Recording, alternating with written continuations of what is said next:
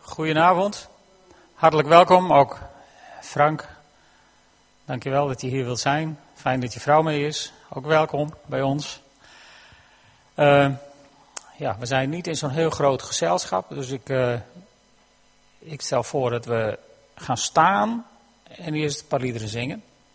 Dan klinkt het een beetje voller. Mag ik jullie uitnodigen? Dan gaan we zingen, Jezus, wij verhogen u.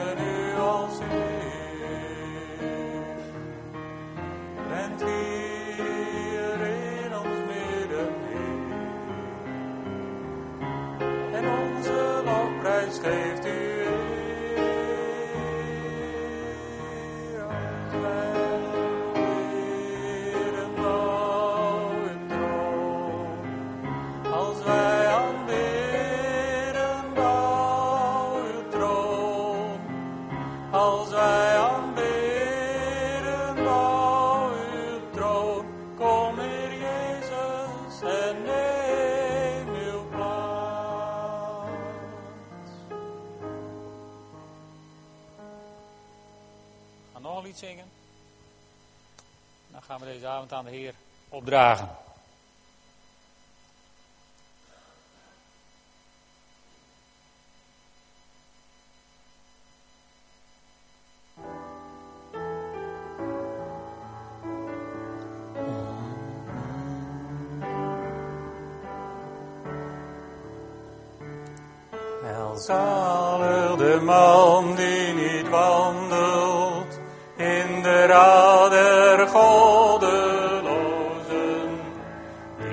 Die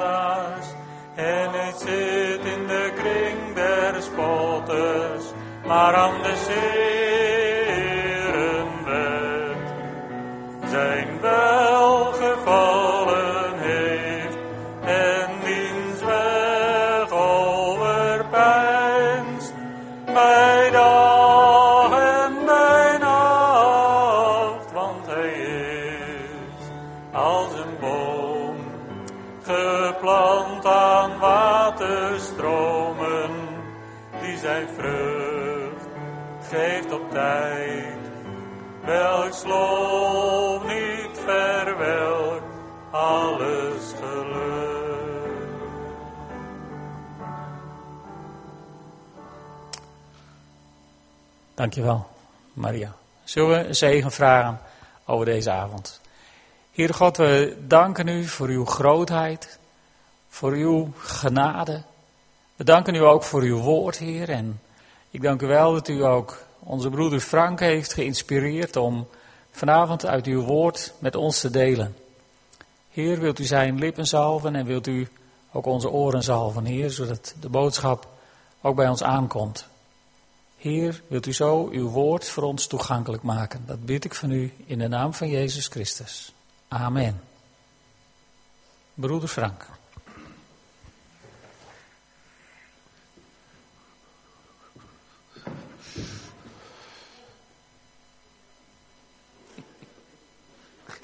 Beginnen we, beginnen net goed zeg.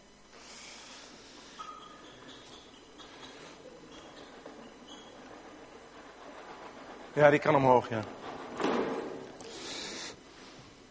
Goedenavond allemaal. Als uh, door de week uh, broeders en zussen op de Bijbelstudie komen of op de bidstond, dat zijn de echte diehards. Een heleboel gemeentes die denken, zondags dan gebeurt het. Maar zij die door de week ook nog de diensten bezoeken, eh, dat is toch wel een heel bijzondere kern van de gemeente. We gaan het vanavond hebben over de vrouw in de gemeente. Is een van de meest interessante onderwerpen die we kunnen bedenken natuurlijk. De vrouw in de gemeente. Enkele opmerkingen vooraf. Wilt u alstublieft uw mobieltje uitdoen? Ik zeg dat altijd, zeker tegen de next generation. Eh, doet u hem ook echt uit, want eh, u kunt denk ik wel een avond zonder. Verder wil ik nog even meedelen, eh, misschien weet u dat, maar we hebben hier een omgeving eh, studies over de eindtijd. Eh, dan ga ik het uh, jaar 2011 terug.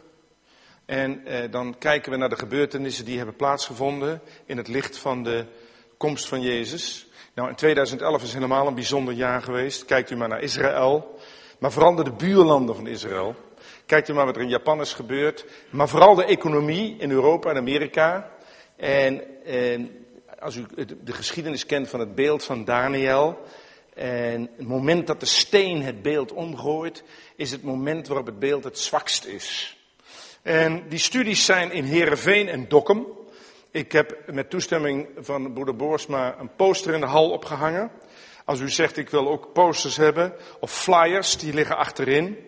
Dan moet u even bij Ada zijn. Dat is Ada, mijn vrouw. Ada betekent anders dan anderen. En eh, zij is erbij, want vanavond gaat het over de vrouw in de gemeente. Dat vinden zij natuurlijk ook buitengewoon interessant. Hoe zit het met die vrouw in de gemeente? Deze studie kan best wel eens wat langer duren dan, u, eh, dan een gemiddelde Bijbelstudie, want ik wil het gewoon goed doen. Niet uh, uh, hapsnap of bepaalde highlights uit het onderwerp halen. Ik wil het gewoon goed doen. Deze Bijbelstudie is niet interactief. Dus als u wilt, liever niet door de zaal roepen.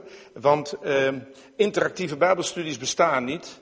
Want uh, dan kom je er nooit. Als iedereen maar mag roepen op zijn of haar moment waarop men dat nodig vindt. Dat, dat heeft twee nadelen. Het duurt ongeveer een uur langer en de lijn van het verhaal is weg. Dus niet doen. Ik geloof persoonlijk niet in het nut van interactieve bijbelstudies, maar dat wil niet zeggen dat we niet geïnteresseerd zijn in uw vragen. Als u vragen hebt, eh, dan is daarvoor de pauze. Uh, en uh, het beste kunt u die e-mailen. En dan heb ik dat het liefst dat u dat via broeder Boorsma doet. En uh, de meeste van die vragen kan broeder Boorsma wel beantwoorden. En als hij dat nodig vindt, kan hij dat naar mij doorspelen. Dus we gaan geen vragen uit de weg. Maar Paulus zegt, laat alles betamelijk in een goede orde geschieden. Dus we gaan niet door de zaal roepen. Uh, en, en, en stel uw vraag op de daarvoor bestemde manier en bestemde momenten. Maar het kan best zijn dat er vanavond een aantal dingen worden gezegd waarover u vragen hebt. Deze Bijbelstudie is zo compleet mogelijk, naar mijn beste inzichten.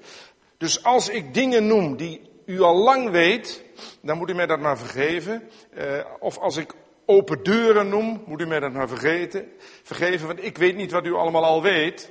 En ik weet ook niet wat hier reeds op deze plaats behandeld is door broeder, en ook door de sprekers die over dit onderwerp gesproken hebben. Dat weet ik uiteraard niet. Dus vergeef mij als ik u dingen vertel die, uh, ja, die misschien als open deuren zouden kunnen worden gekwalificeerd. Ik wil u maximaal dienen.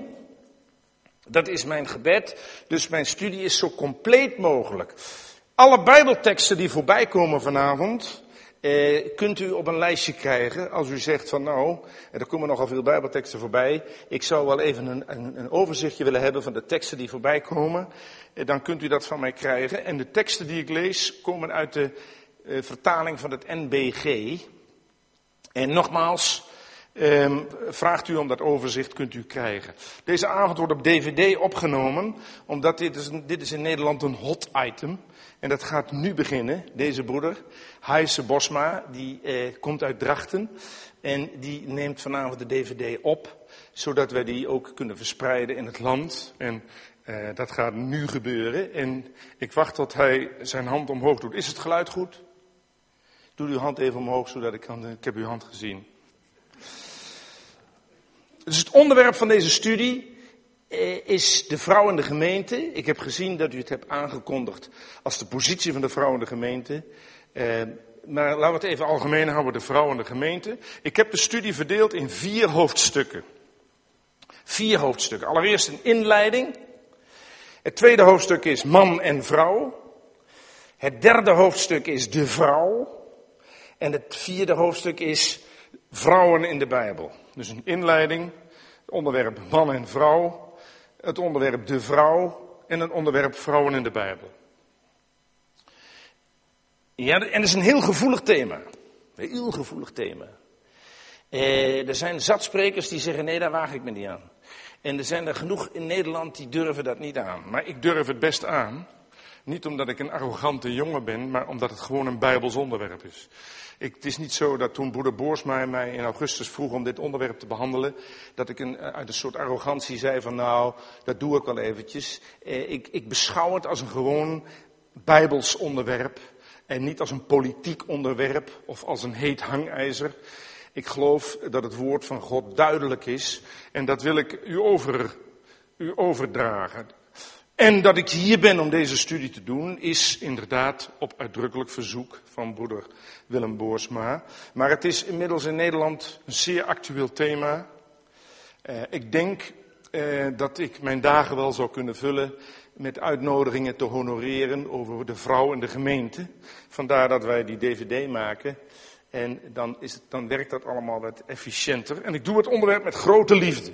Het is niet zo eh, dat ik zeg van nou zijn er geen leukere onderwerpen of eh, nou vooruit er, maar ik doe dat met grote liefde. Toch blijft het een gevoelig thema. Heel gek, het is een gevoelig thema. En het volgende wat ik zeg is niet grappig. Ik heb juist om die reden mijn vrouw Ada meegenomen. Want als ik hier alleen zou komen, dan uh, zou u kunnen zeggen, weet zijn vrouw hier eigenlijk wel van? Zou zijn vrouw het hier ook mee eens zijn? Uh, zij ziet er heel lief uit, maar zij is geen volger. Het is niet zo dat als ik A zeg, dat zij automatisch ook A zegt. Zij zegt ook wel eens B. Vind ik dat leuk? Niet altijd. Maar uh, zij is hier vanavond. Zij weet nog niet eens wat ik ga zeggen. En, maar schiet haar gerust aan. Dus als u uh, vanavond na de pauze, in de pauze denkt, ja, hoe zou zij erover denken? Of na afloop, hoe zou zij erover denken? Schiet haar gerust aan. Dat, dit weet zij niet dat ik dit nu zeg, dus daar krijg ik straks in de auto ongelooflijke narigheid mee. Maar eh, ik heb haar dus niet alleen maar meegenomen voor de gezelligheid, maar ook om. Eh, zij is een vrouw in de gemeente. Wat ik nu ga zeggen klinkt gek. Eigenlijk is deze Bijbelstudie zinloos. Oh ja? Bestaan er dan zinloze Bijbelstudies? Ja, omdat u eigenlijk, dat is een beetje stout van mij, allemaal al lange mening hebt. U hebt allemaal een lange mening. En, en, die is misschien wel onwrikbaar. En, en u hebt eigenlijk helemaal niet zoveel zin om die mening prijs te geven. En ik heb ontdekt dat als het gaat over de vrouwen in de gemeente, dat er niet zo verschrikkelijk veel christenen zijn die open-minded zijn. Heel veel vooroordelen. Ik heb ook niet de illusie dat ik daar verandering in breng. Ik beperk mij in alle oprechtheid tot wat de Bijbel zegt. God bewaren mij ervoor dat ik hier zou staan te vertellen wat, eh, wat ik ervan vind. Uh, dat is volkomen onbelangrijk. En mijn gebed voor deze avond was dat u in staat zou zijn net te doen alsof u vanavond dit onderwerp voor het eerst hoort. Waarom is dit een gevoelig thema? Dat heeft te maken met de wereld om ons heen. Er is een angst in evangelisch Nederland om ouderwets gevonden te worden. Er is een onbestembare angst om, um, om niet met de wereld mee te doen. Om, om het anders te doen als uh, de wereld om ons heen. Uh, dit probleem, de vrouw in de gemeente, was er vroeger minder. En terwijl de mensen vroeger absoluut niet dommer waren, laat u, zegt u dat alsjeblieft niet. Maar de invloed van de wereld in de gemeente was nauwelijks merkbaar. De gemeente nam een afgezonderde positie in. En dat is ook in zekere zin de plaats van de gemeente. Als de gemeente haar afzondering verlaat, heeft dat altijd te maken met het evangelie. Maar, maar eh, tegenwoordig, en dat zie je allerwegen, en ik kom nogal eens ergens, heeft men een ongelooflijke angst om in de wereld uit de toon te vallen. En dat is de reden dat dat onderwerp steeds uh, actueler wordt. Want de wereld, de invloed van de wereld is steeds groter, is steeds groter. En dat kun je niet altijd een voordeel noemen. En omdat het een gevoelig thema is, is mijn inleiding vrij uitgebreid. U zou vanavond kunnen denken, wanneer begint die oude neel nou eindelijk eens over die vrouw? Dat u dat vooral niet denkt dat ik aan het dementeren ben en dat u denkt eh, dat ik dat onderwerp vergeet. Maar eh, om het echt goed te begrijpen, om, om het echt een breed begrip te hebben van de vrouw in de gemeente, moet ik, en dat zult u straks begrijpen, een aantal fundamentele zaken op een rij zetten. Wilt u echt begrijpen hoe God erover denkt? Want lekker, lieve mensen, daar gaat het om. Wat u ervan denkt, wat ik ervan denk, is van nul en geen waarde het, hoe God erover denkt. Als u dat echt goed wil begrijpen, is het belangrijk om een aantal fundamentele gedachten uit het woord van God op een rij te zetten. En mijn gebed is dat u daarvoor begrip hebt. Eerst wil ik met u wat lezen, als u dat goed vindt, uit 2 Timotheus 3. 2 Timotheus 3, vers 16. En als u geen Bijbel bij u hebt, zal ik u dat uh, duidelijk voorlezen. Maar het mooiste is als u dat meeleest. En ik heb u gezegd, ik lees uit de vertaling van het Nederlands Bijbelgenootschap. 2 Timotheus 3, vers 16. Daar staat dit. Elk, en streepje onder elk, van God ingegeven schriftwoord, dat is dus de hele Bijbel, dit even terzijde. Elk van God ingegeven schriftwoord, en niet wat wij daaruit halen of wat wij daaruit selecteren, is ook nuttig om te onderrichten, te weerleggen, te verbeteren en op te voeden in de gerechtigheid, opdat de mens Gods volkomen zij, tot alle goed werk volkomen toegerust. Daar is geen woord Frans bij. De positieve gevolgen daarvan, als ik dus mij door het woord van God eh, laat onderwijzen, en dan niet alleen maar een selectie, maar elk van God gegeven woord, dan zijn de positieve gevolgen, die vind ik in Efeze 4. Dus als u dat ook even wilt meelezen, Efeze 4, vers 14.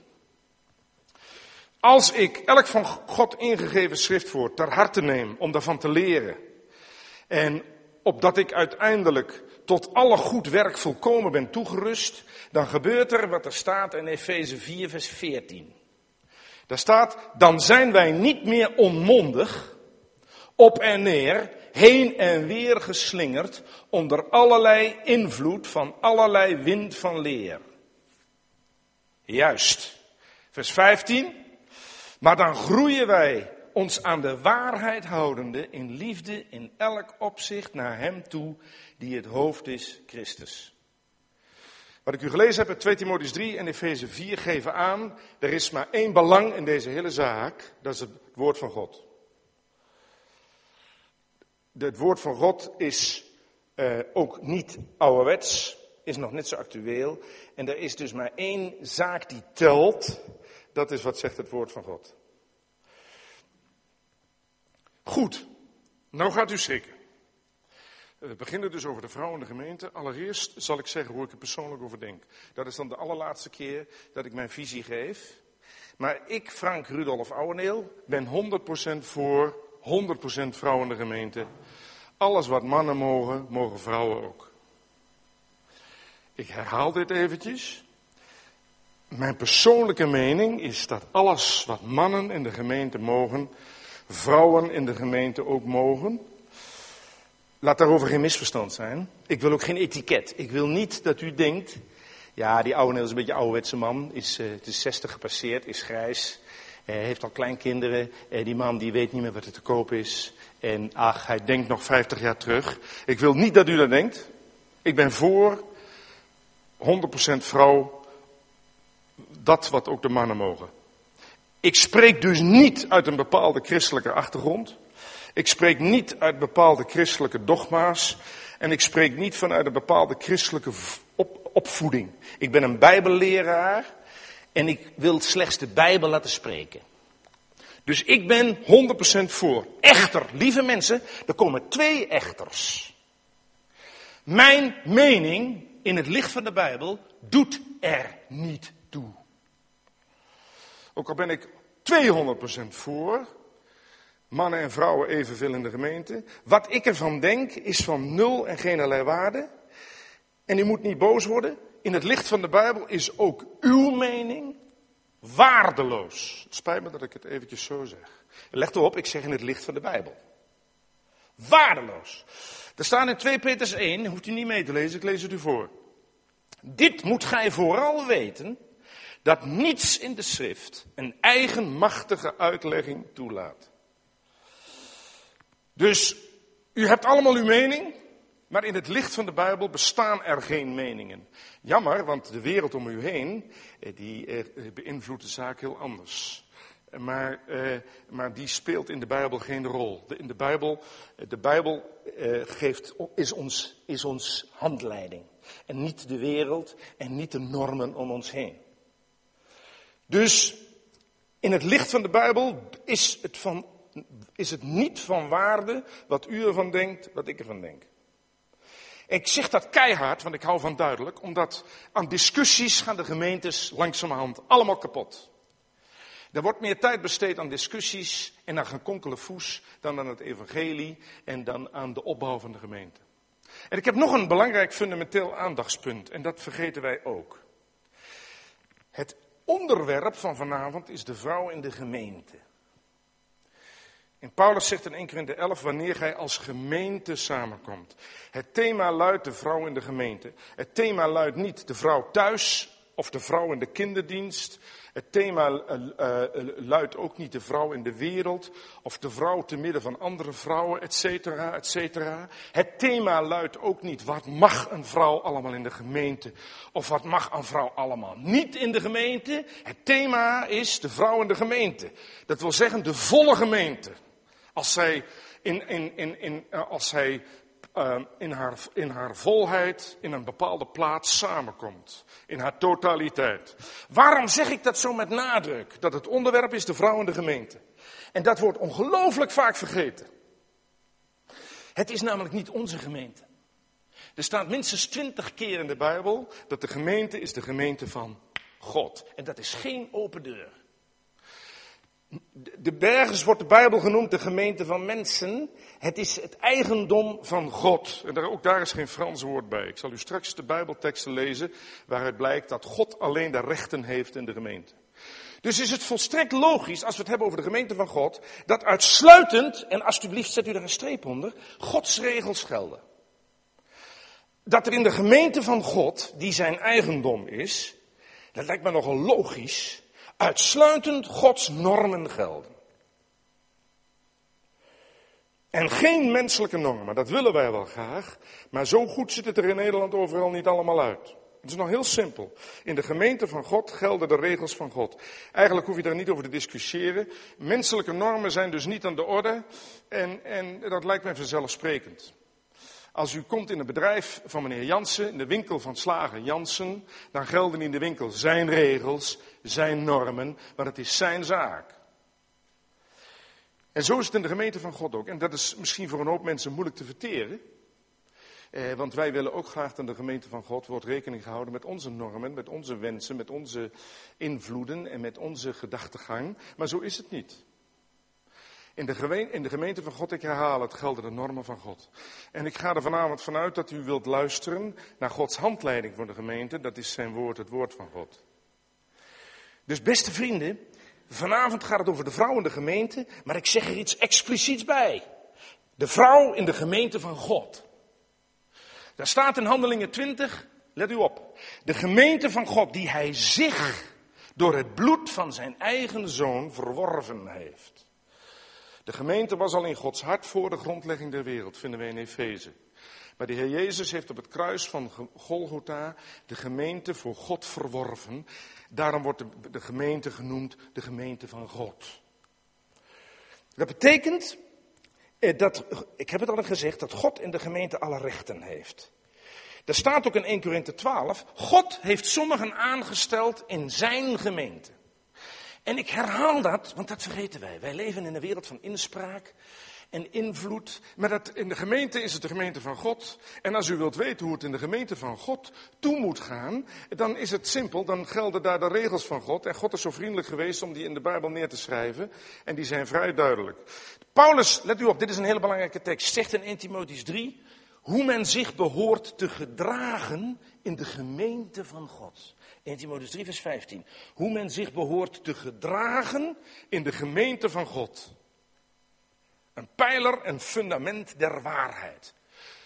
Paulus noemt de gemeente een pijler en fundament der waarheid. Hoe komt dat? Omdat uh, Paulus ervan uitgaat dat de gemeenteleden zich gedragen uh, in overeenstemming en met de hoge gast in die gemeente, dat is God. Want de gemeente wordt genoemd in 1 Timotheus 3 het huis van God. En dat wil zeggen, daar geldt de godsregel. Als u bij mij thuis komt in Emmen en u gaat zich bemoeien met waar de piano moet staan, dan krijgt u van mij en ook van mijn vrouw een vermanende blik. Want dan zeg ik in vredesnaam, waar bemoeit u zich mee? Als u zich gaat bemoeien met de manier waarop mijn kinderen zich moeten gedragen, u als gast, dan zeg ik in vredesnaam, waar bemoeit u het mee? Het is mijn huis.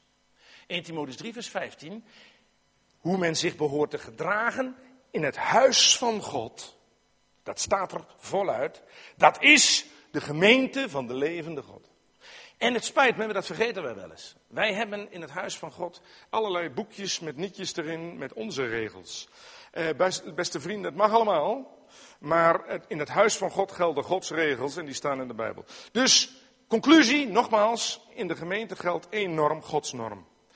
En die normen heeft hij neergeschreven naar het woord van God. Niemand in deze zaal die kan een Bijbeltekst noemen waar ergens staat dat er ruimte is voor menselijke visies. Ook dat is een invloed uit de wereld.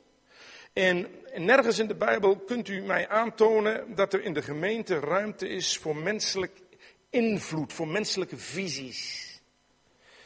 Kan ik ook niet helpen. Dan moet u niet mij de schuld geven. Alles wat ik u vanavond zeg, daar moet u niet mij de schuld van geven. Don't shoot the messenger. In het Nederlands schiet niet de boodschapper neer. Als iemand een boodschap doorgeeft, dan geeft hij een boodschap van een ander door. En dan moet u niet boos worden op de boodschapper. We zagen in 2 Timotheus 3 vers 16, dit is nog steeds mijn inleiding hè. Uh, en dat is erg belangrijk. In 2 Timotheus 3 vers 16 staat, elk van God ingegeven schriftwoord dient om te onderrichten en te weerleggen. Dat woordje. Even dat woordje weerleggen. Dat betekent niet discussiëren. Er bestaat dus niet, elk van God ingegeven schriftwoord dient om erover te discussiëren. Dat staat er niet. Dat woord weerleggen, wat daar gebruikt wordt, wil zeggen weerleggen van dwalingen. Dwalingen zijn gedachten die afwijken van het woord van God. Dat woord weerleggen betekent ook terechtwijzen of vermanen. Met andere woorden, het woord van God, 1, 2 Timotheüs 16, dient om terecht te wijzen, om te vermanen en om eh, dwalingen die tegen Gods gedachten zijn aan het licht te stellen. En ik heb u al verteld, vandaag de dag is alles discussie. U moest eens weten hoeveel gemeentes daar uren aan besteden. En de ergste uitdrukking die men wel kan gebruiken is interpretatie. Ja, jij interpreteert de Bijbel zo en hij zo. Dat is de grootste fout die we de laatste vijf jaar gemaakt hebben. Alsof de Bijbel een discussiestuk is. Ja, de ene interpreteert hem zus en de ander zegt zo. En deze tekst, eh, Pietje zegt dit en Jantje zegt dat. De Bijbel is geen discussieboek, ook al wilt u nog zo graag. Ik herhaal wat er staat in 2 Petrus 1. Niets in de schrift laat een eigenmachtige uitlegging toe. Maar nou brandt een vraag op onze lippen. Wiens uitlegging is dan de juiste? Als de Bijbel geen ruimte geeft voor interpretatie, Dat hebben wij zelf maar zo'n beetje verzonnen, want dat vinden wij leuk. Ehm, wat is dan de juiste uitlegging van een bepaalde Bijbeltekst? Dat is een goede vraag. En het antwoord staat ook in Gods woord. Er staat in 1 Johannes 2: Gij hebt de zalving van de Heilige en gij weet alle dingen. Met andere woorden, door het geloven in Heer Jezus Christus hebben we de Heilige Geest ontvangen. En we hebben de zalving van de Heilige ontvangen. Waardoor, zegt Johannes, wij het vermogen hebben alle dingen te weten. Je moet je er alleen wel in verdiepen. Het waait je ons niet aan. Maar wij hebben door de zalving van de Heilige Geest het vermogen om de Bijbel uit te leggen, let u goed op wat ik zeg, zoals God wil dat die uitgelegd wordt. Want er staat in 1 Corinthië 14, God is geen God van wanorde. Denkt u nou echt dat God zegt, juist er is, jou geef ik die gedachte over Romeinen 3, en jou geef ik die gedachte over Romeinen 3, en jou geef ik die gedachte over Romeinen 3. God is geen God van wanorde. U moest dus weten hoeveel scheuringen er in de wereld zijn ontstaan eh, doordat iedereen zijn eigen interpretatie van het woord van God gaf. Dat heeft nooit positief gewerkt, heeft alleen maar scheuring in de hand gewerkt. Als ik mij laat leiden door de Heilige Geest, en dit is een heel belangrijk iets, dan heb ik de zalving van de Heilige en dan weet ik alle dingen zoals God wil dat ik ze weet, want God is geen God van wanorde. En beste vrienden, het wordt tijd dat dit in 2011 weer eens gezegd wordt. En nogmaals, don't shoot the messenger. Let u goed op. Want waardoor ontstaan al die problemen in de gemeenten, ook als het gaat om de positie van de vrouw? Ik herhaal het maar voor de zoveelste keer. Het, gaat, het komt door de invloed van buitenaf. Oh, oh, wat zijn wij bang om eh, in de wereld uit de toon te vallen.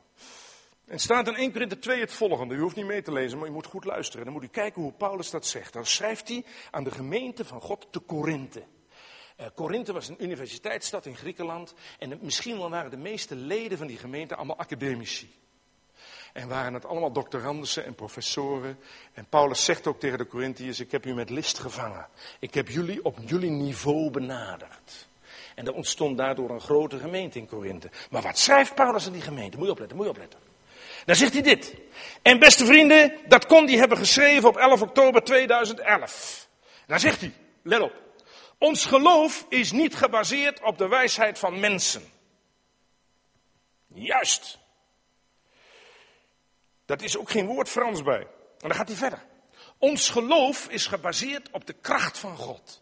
Wij bezitten een wijsheid die niet van deze tijd is. Wij bezitten een wijsheid die niet van deze tijdgeest is. Die, die men in de wereld niet kent. Dan gaat hij verder. Wij bezitten de verborgen wijsheid Gods, die ons is geopenbaard door Gods geest. Wauw! Dat wil zeggen, God is een God van orde. En God heeft over elke tekst één gedachte. Maar hoe komen wij daarachter? Door ons uh, gehoorzaam en onderworpen aan God op te stellen en door te bidden om de leiding van de geest. Als u een bepaalde tekst aan het bestuderen bent, ga niet wat, naar wat Jantje, Pietje, Klaasje zegt, maar ga op uw knieën. Zegt Heer, ik heb de zalving van de Heilige. Ik heb op dit moment even een blokkade. Ik wil graag weten wat uw gedachten zijn over deze tekst. Ik wil hem niet interpreteren. Ik wil er niet mee aan de haal gaan. Ik wil ook niet kijken wat meneer X, Y, Z ervan denkt. Ik wil weten wat u ervan denkt. Ga op uw knieën. En God zal het u openbaren. Want God wil zijn gedachten aan zijn kinderen kenbaar maken. Dat kost wel moeite en dat kan ook wel eens kniewerk kosten. Wij bezitten de wijsheid Gods die ons is geopenbaard door Gods geest. En we hebben gezien in 1 Johannes 2 vers 20. Gij hebt de zalving van de heilige en gij weet alle dingen. Dat is nogal wat. Gij hebt de zalving van de heilige en gij weet alle dingen. Hoe komt het dat we dan niet alle dingen weten? Doordat wij ons niet voldoende eh, laten leiden door de geest. Ik zeg het allereerst tot mezelf.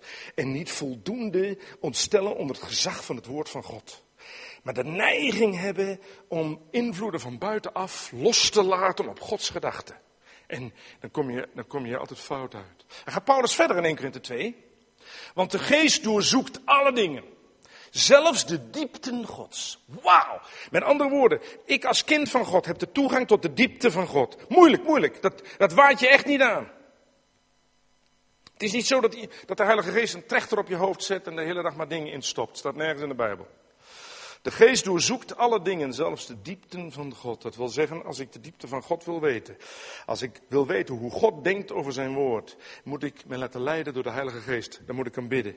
En ik moet mijn tijd vrijmaken om me met de gedachten van God bezig te houden. Dan gaat Paulus verder. En beste vrienden, ik herhaal, dat had hij kunnen schrijven op 11 oktober 2011. Wij hebben niet de geest van de wereld ontvangen. Punt. Ik herhaal. Wij hebben niet de geest van de wereld ontvangen. Moet je je er ook niet, uh, moet je daar ook niet door laten beïnvloeden. Wij hoeven niet bang te zijn om ouderwets seizoen. Want de wereld ziet ons toch niet staan. De gemeente is Gods gemeente, Gods huis. En beste vrienden, wij hebben niet de geest van de wereld ontvangen. En beste vrienden, de, de grootste problemen vandaag de dag in de gemeenten in Nederland komen door de geest van de wereld. Men kijkt te veel naar de televisie. Men kijkt te veel naar de Tweede Kamer. Men volgt te veel de politieke ontwikkelingen. En, en men heeft stilletjes aan de neiging, wij gaan het ook zo doen. Want dan vallen we niet uit de toon en dan zijn we lekker modern. Wij hebben niet de geest van de wereld ontvangen. En beste vrienden, dat is niet veranderd in 2011. En dan gaat Paulus verder in 1 Korinthe 2, want hij schrijft er nogal wat.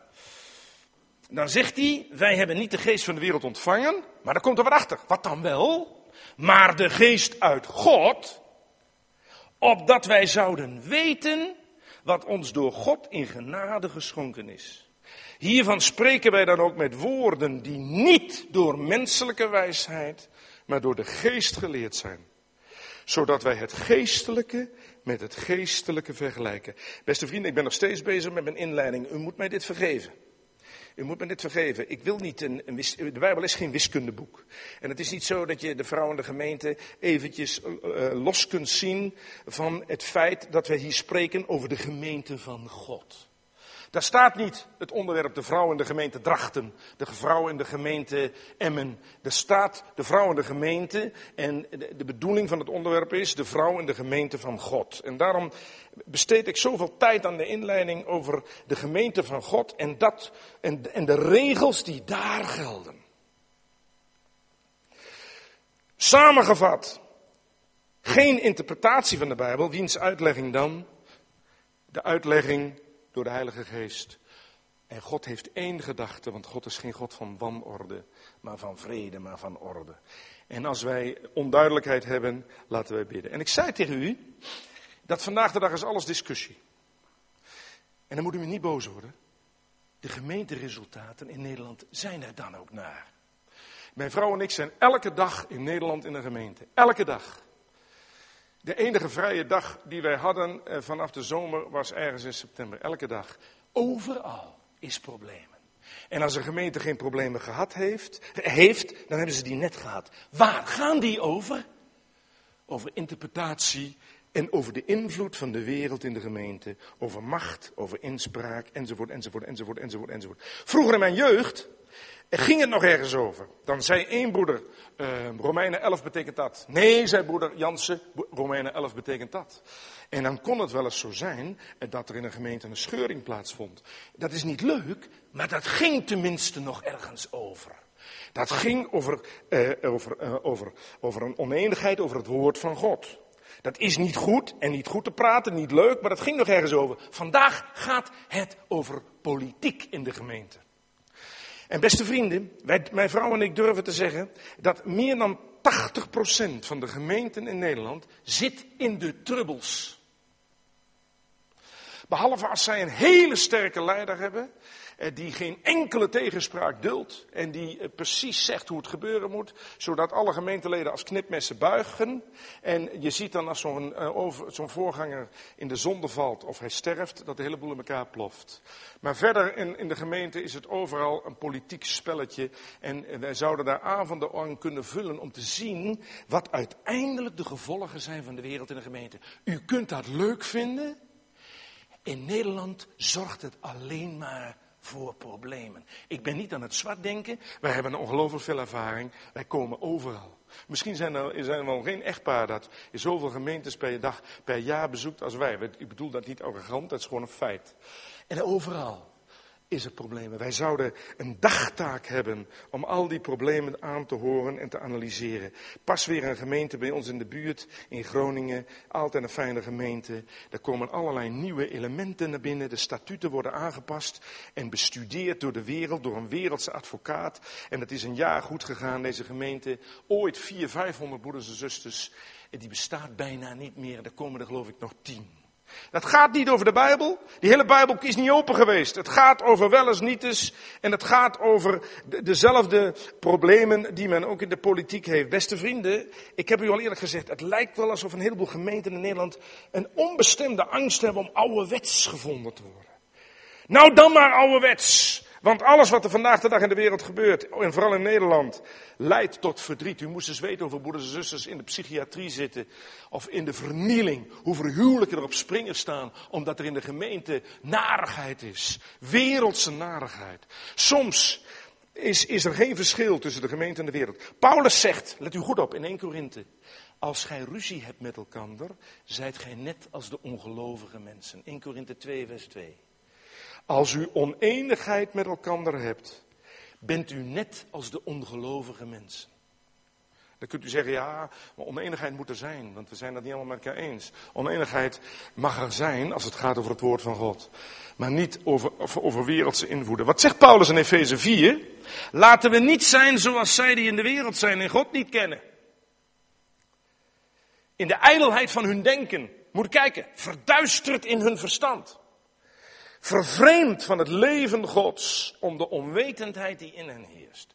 Maar dan staat de gij geheel anders. Nou, er is bijna geen christen die niet aan zijn muur heeft hangen, gij geheel anders. Oh ja, waar blijkt dat dan uit? Gij geheel anders, gij hebt Christus leren kennen.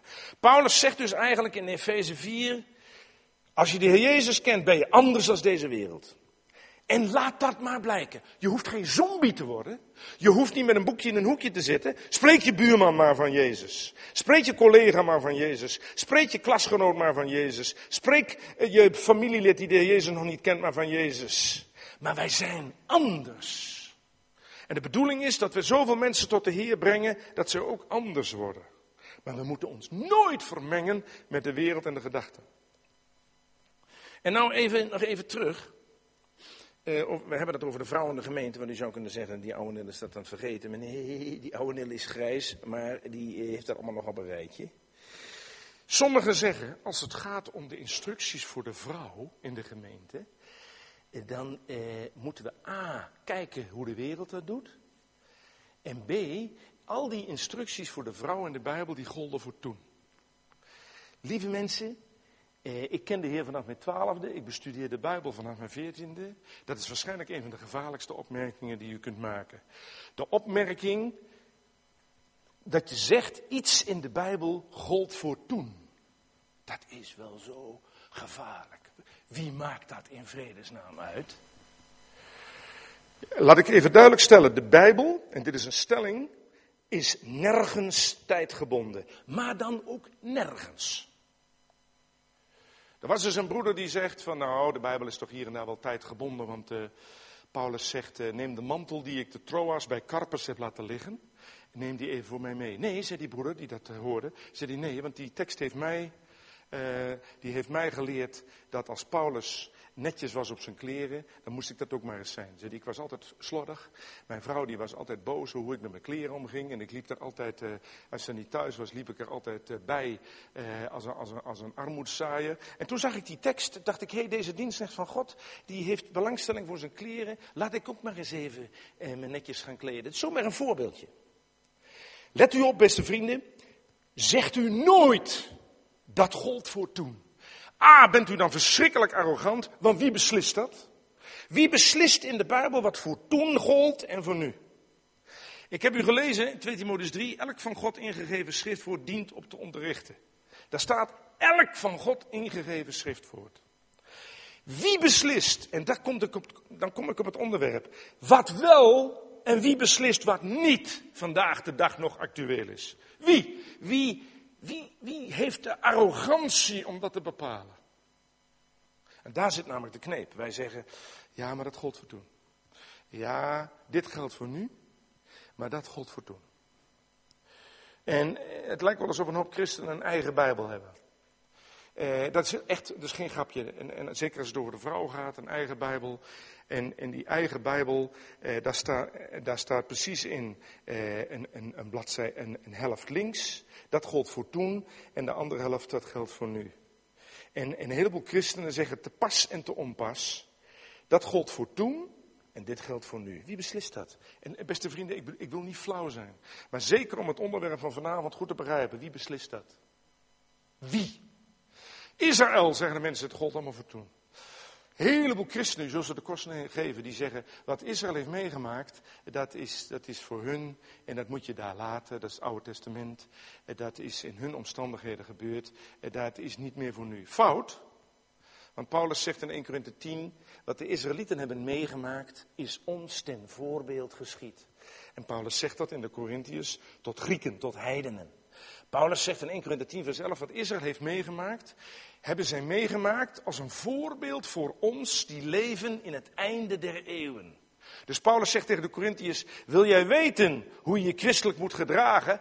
Let dan maar gauw op Israël.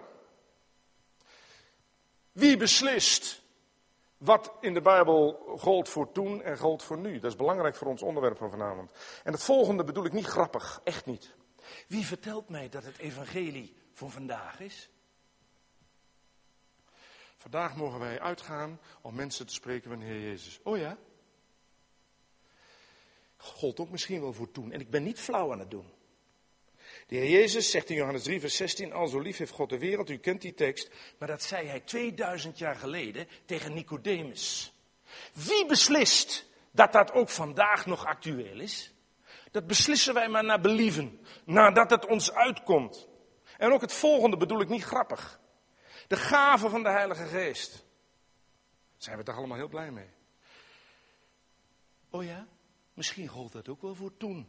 In Handelingen 2 zegt Petrus dat zo'n 2000 jaar geleden tot de inwoners van Jeruzalem. Wie beslist in vredesnaam dat dat vandaag de dag nog actueel is? Wij beslissen maar naar believen als het ons uitkomt. Dat is niet meer geldig. En dit wel. Het volgende is ook niet grappig. Wij geloven dat wij straks naar de hemel gaan. Oh ja, misschien rolt dat ook wel voor toen.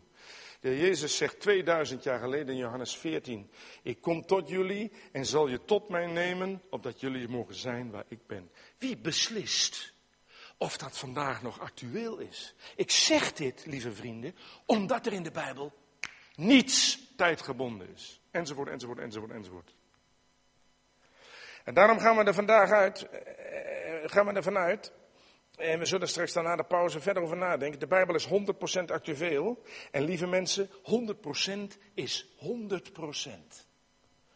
En als wij na de pauze gaan spreken over man en vrouw, dan gaan wij ervan uit dat de Bijbel niet tijdgebonden is, dat de Bijbel het woord van God is, maar voornamelijk dat wij het hier hebben over de gedragsregels in de gemeente van God. En ik heb u verteld, deze Bijbelstudie heeft vier hoofdstukken. Het eerste hoofdstuk is een inleiding, die hebben we nu gehad. Uiterst belangrijk. De tweede hoofdstuk is man en vrouw. Het derde hoofdstuk is de vrouw. Het vierde hoofdstuk is vrouwen in de Bijbel. En wij gaan nu pauzeren en gaan na de eh, pauze verder met het onderwerp man en vrouw. Want als u spreekt over de vrouw in de gemeente, moet u altijd spreken over man en vrouw. Dan zult u zeggen, ja maar als een vrouw nog niet getrouwd is, doet er niet toe. De Bijbel gebruikt de beelden man en vrouw. Of die mannen en die vrouwen nog met elkaar getrouwd zijn, daar is in, in het Nieuwe Testament helemaal geen sprake van. En in de meeste gevallen eh, wordt man en vrouw daar zonder lidwoord gebruikt. En dan gaat het gewoon over de soort man in relatie over de soort vrouw. En we gaan na de pauze met elkaar spreken over hoe God denkt. En dat is buitengewoon interessant, ik kan haast niet wachten. Hoe God denkt over man en vrouw. Niet hoe u erover denkt. Niet hoe, en helemaal, helemaal niet hoe ik erover denk. Hoe God erover denkt. Want dat is waar het om gaat. Dus na de pauze, man en vrouw. Um, zwaai maar of ik verder kan. Ik moet u iets beleiden, en ik heb een tekstfout genoemd. Het is niet 1 Korinthe 2 vers 2, maar 1 Korinthe 3 vers 3. Staat het ook op de DVD, want anders krijg ik last met Nederland. En er staat in Korinthe 3 vers 3, want als u elkaar niet kunt verdragen, wordt u blijkbaar nog door uw eigen verlangens beheerst, dan bent u net als de ongelovige mensen. Eh, dat staat in het boek, heel vaak een goede weergave. En in 1 Korinthe 3 vers 3 in de NBG, want als er onder u nijd en twist is, leeft gij niet als onveranderde mensen. Dus Paulus is gewoon heel duidelijk, als jullie met elkaar aan het discussiëren zijn, dan kun je niet meer volhouden dat je geheel anders bent, dat je Christus hebt leren kennen. Nogmaals, ik ben blij dat u er weer zit, want um, als het u te lang duurt, maar nu wordt het spannend natuurlijk, dat snap je natuurlijk wel. Nu wordt het spannend. En dan moet u maar, als u zegt van nou, het duurt mij allemaal te lang, ik ga maar naar huis. Ik wil het toch graag afmaken, omdat het mooiste komt nu. Want ik hoor u al denken, ja, die oude is heel elegant en heel lang aan het voorbereiden. En dan torpedeert hij de vrouw. Dan gaat ze er helemaal aan. En dan uh, eerst zegt hij van wat de Bijbel zegt is allemaal waar. En dan, u moest eens weten wat een fan ik van vrouwen ben. Dat moet u niet verkeerd opvatten. Wat een fan ik van vrouwen in de gemeente ben. Eh, maar het gaat nu even gewoon om de lijn vanuit de Heilige Schrift. En niet wat ik er persoonlijk van vind. Ik zou het persoonlijk ook allemaal graag. Eh, ik, ik zou ook wel weten uh, wat ideaal zou zijn. Maar het gaat er nu om zeggen wat de Schrift zegt. Een tweede hoofdstuk uh, wat we nu gaan doen. Het eerste hoofdstuk inleiding, tweede hoofdstuk man en vrouw. Derde hoofdstuk de vrouw. De vierde hoofdstuk vrouwen in de Bijbel. Man en vrouw. Wordt vaak vergeten dat wij hebben in de maatschappij mannen en vrouwen. Waarom wordt het vaak vergeten? Omdat uh, men soms letterlijk zegt er is geen verschil. Nou, ik ben toch al blij dat vrouwen er anders uitzien dan mannen. Maar feitelijk, eh, als het puntje bij komt, en eh, dan zegt men er is absoluut geen verschil tussen mannen en vrouwen. En dat vind ik een beetje saai. Dat lijkt mij oersaai. Um, waarom eigenlijk die doorgedreven uh, gelijkschakeling? Um, mannen en vrouwen, ze zien er wel verschillende uit en ze hebben wel een verschillende uh, lichaamsbouw, maar ze zijn volkomen gelijk. En dan moet u rekenen, de Bijbel is daar niet mee eens. En nogmaals, en ik hoop dat ik voldoende heb neergezet, wat, wat we ervan denken is niet interessant. Wat de wereld ervan denkt is al helemaal niet interessant. Het is niet naar Gods gedachte om te zeggen dat mannen en vrouwen gelijk zijn in de zin dat er geen verschil zou zijn. Er staat de sleuteltekst voor het hele onderwerp, wist u dat? Staat in Efeze 5, vers 25. Daar staat: Mannen, hebt u vrouw lief, evenals Christus zijn gemeente heeft lief gehad. Hier wordt dus de man vergeleken met Christus, de vrouw met de gemeente. Dat is een fundamenteel verschil. U begrijpt best waarom. Dat hoef ik niet eens uit te leggen. Efeze 5, vers 25 is de sleuteltekst van het thema. Hier wordt de man gezien als de beelddrager van Christus. Hier wordt de vrouw gezien als de beelddrager van de gemeente. De vrouw is dus kennelijk duidelijk anders dan de man. Ik zet u alsjeblieft een streepje onder het woord anders. En ik ga nu langzamerhand naar de gemeente toe. Want dat maakt het nou allemaal zo mooi. Wij, wij hebben een idee fix van hoe het zou moeten zijn. Maar als dat werkelijk overal zou gebeuren, zou het helemaal niet meer zo mooi zijn zoals God het heeft bedoeld. De vrouw is anders. Wees maar blij dat er mannen en vrouwen zijn. En als u Christus lief hebt, accepteert u dat ten volle. De man is de beelddrager van Christus, de vrouw de beelddrager van de gemeente. En als we het hebben over geen verschil tussen man en vrouw, laten we dat zo maar even noemen, dan wat is dan onze norm? Is dat, is, God, is dat God de norm? Ik zal u zo vertellen hoe de, hoe de vrouw eh, tot leven is gewekt. Of is de wereld de norm? Zeg dan maar eerlijk, heel wat christenen eh, eh, nemen de wereld als norm. Als u voor elke christen eh, die een vroom gezicht trekt in de gemeente, een dubbeltje zou krijgen die de wereld als norm neemt, dan eh, kocht u heel drachtig. Geen verschil tussen man en vrouw. Is dat slechts bedoeld voor de voortplanting? Is niet meer verschil? Geen verschil tussen man en vrouw? Ik denk dat God intelligenter is dan de meeste mensen. God maakt er wel degelijk verschil. En dat verschil moeten wij ook maken. Ik heb het niet over een niveauverschil, want dat is de fout die we ook zouden kunnen maken. Ik heb het over verschil. Moet u opletten, er staat in Genesis 1 dit. Moet u opletten. Ik hoef niet, u hoeft niet mee te lezen, maar ik lees het u voor. En God schiep de mens naar zijn beeld. En niet hoe ik hem zou willen zien of u. En hoe deed God dat? Nou, er staat in Genesis 1 vers 27, God schiep de mens naar zijn beeld, naar Gods beeld schiep hij hem. Hoe dan? Man en vrouw schiep hij hem. Niet voor de giebeligijn, niet voor de flauwekul, niet voor de broodnodige variatie. Maar waarom deed God dat? Omdat, en we gaan het niet hebben over de man, omdat de vrouw, en ik ga u dat straks duidelijk maken, en in Gods ogen een zeer specifiek schepsel is.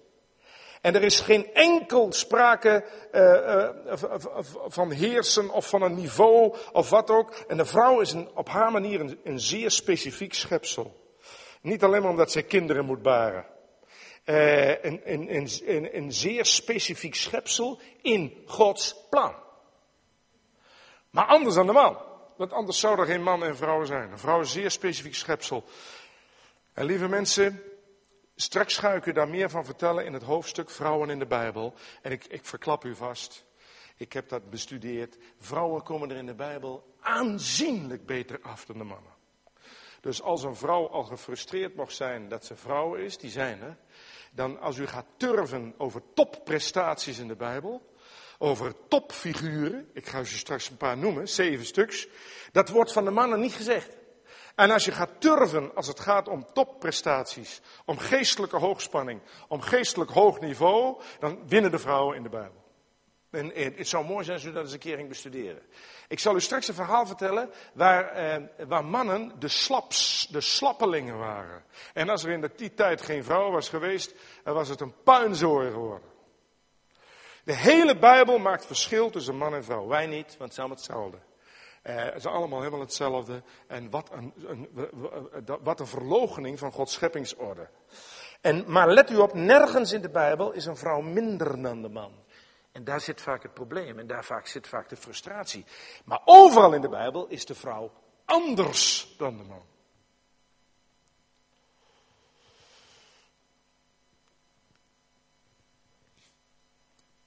En we zullen zien straks, en al die vrouwen hier die zullen blijde opspringen. En mannen zullen beschaamd de andere kant uit krijgen. De vrouw komt er in de Bijbel beduidend beter af dan de man. En wat ik nu zeg, eh, dat is niet grappig, dat, heb ik, dat bedoel ik niet grappig, dat bedoel ik zeer serieus. Ik zal u straks een tipje van de sluier oplichten. Om een goed begrip te krijgen van hoe God naar de vrouw kijkt. En waar, daar gaat het natuurlijk om. Hè? Hoe ik naar de vrouw kijk is niet interessant. Hoe u naar de vrouw kijkt is niet interessant. Hoe de wereld naar de vrouw kijkt is niet interessant. Hoe God naar de vrouw kijkt. En dan moet u, dat kunt u zien door de allereerste vrouw uit de Bijbel te nemen. En hoe bijzonder zij tot leven is gewekt. Zij is niet geschapen zoals Adam. De vrouw is niet geschapen zoals Adam, maar uit Adam genomen. Laat dat vooral duidelijk zijn. Dan moet je kijken hoe mooi. Dat lees ik. U, uh, u mag dat meelezen, ik zou het doen. Uit Genesis 2, vers 20.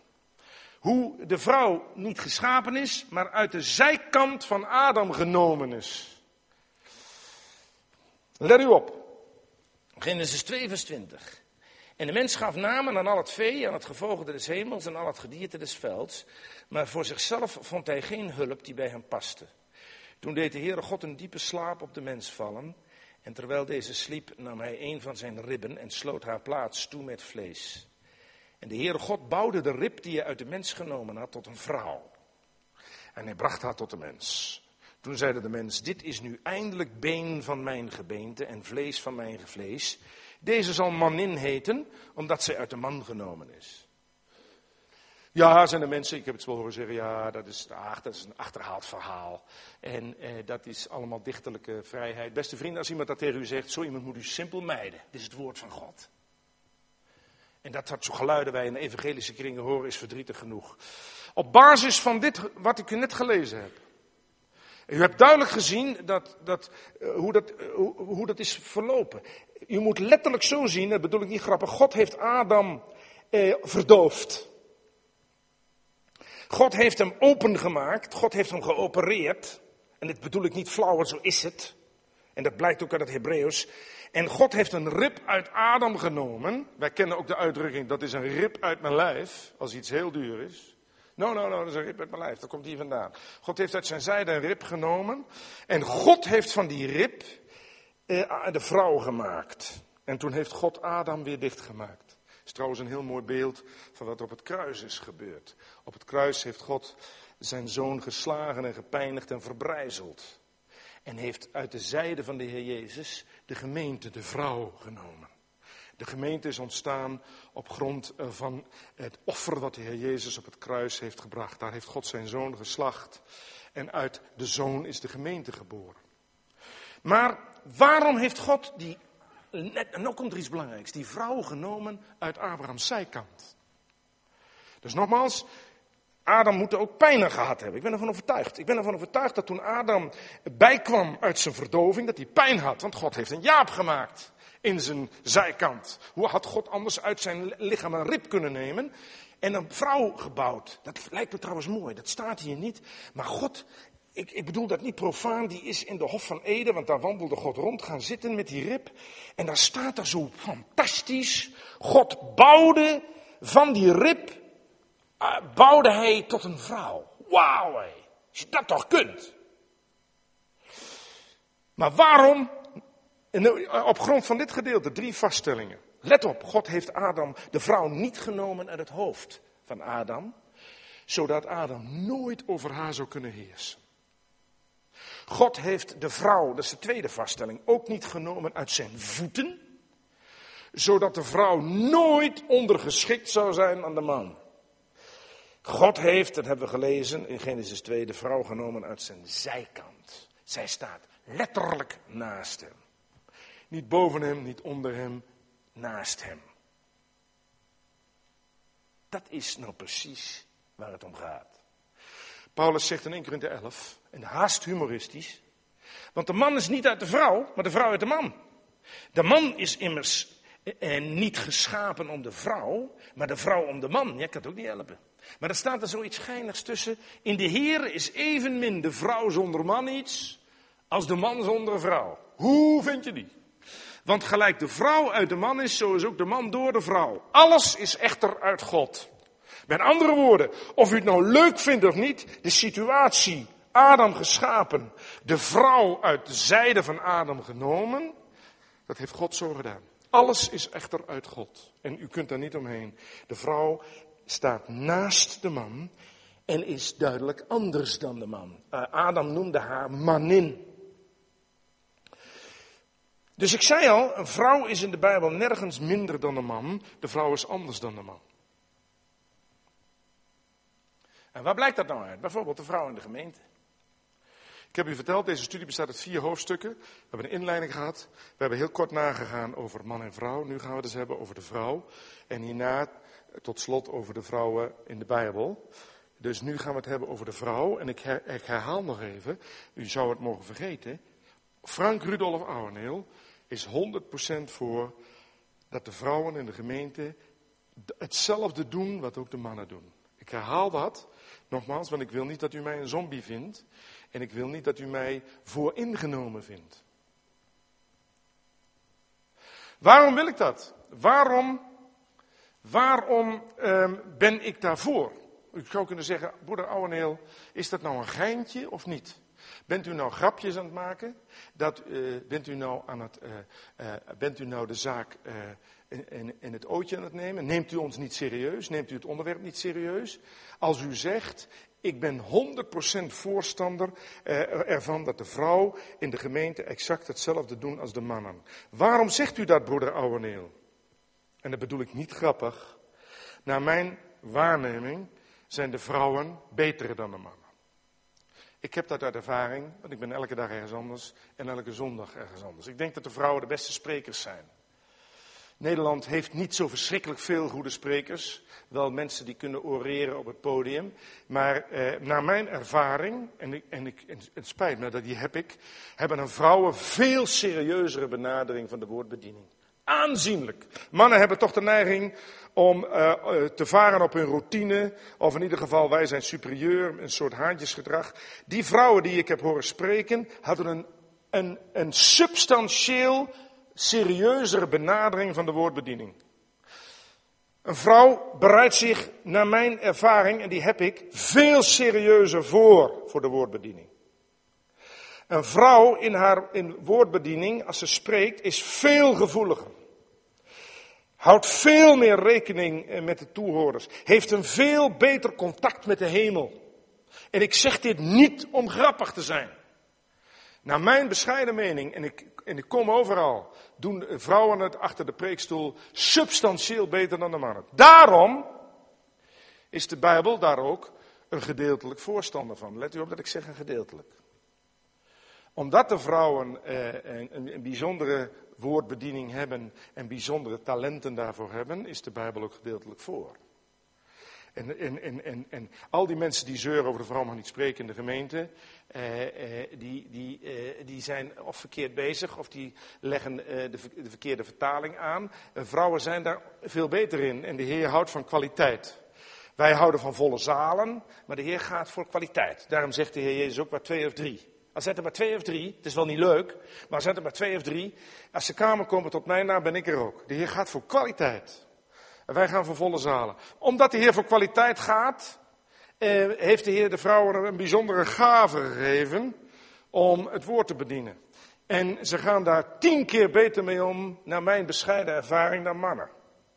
Maar, zei ik liggen nu, lieve mensen, de Bijbel is een gedeeltelijk voorstander. Want waar ligt de grens? En nogmaals, dat sta ik niet te verzinnen. En eh, u mag eh, in de verdediging schieten. Ik ben voor niemand bang. Als mijn vrouw maar van mij houdt, dan ben ik al heel gelukkig. Eh, wat ik u zeg staat in het woord van God. Don't shoot the, manager, the, the messenger. Alvorens ik daar wat bijbelteksten over ga lezen. Dus de Bijbel is, is voor het grootste gedeelte voor spreken van de vrouw en de gemeente. Ook achter de preekstoel. Geen enkel punt. Ze doen het gewoon steengoed. Nou, voordat ik daar wat van ga lezen, herhaal ik wat ik voor de pauze gezegd heb. De Bijbel is nergens tijdgebonden. Als u daaraan begint, dan gooi dan uw Bijbel maar weg. Wie heeft hier in het gezag, of in de wereld het gezag om uit te maken, en ik herhaal het maar weer, wat er in de Bijbel voor toen gold en wat er voor nu gold? Wie mag dat uitmaken? Niemand. Er staat, u mag het meelezen, maar ik lees het voor. In 1 Timotheus 2 vers 11 eh, heeft Paulus een aantal gemeenteinstructies. Het spijt me, die zijn niet tijdgebonden. Zou u wel willen. Er staat in 1 Timotheus 2 vers 11. Een vrouw moet zich rustig in alle onderdanigheid laten, streep onder laten, onderrichten. Nogmaals, ik heb het niet verzonnen, hè.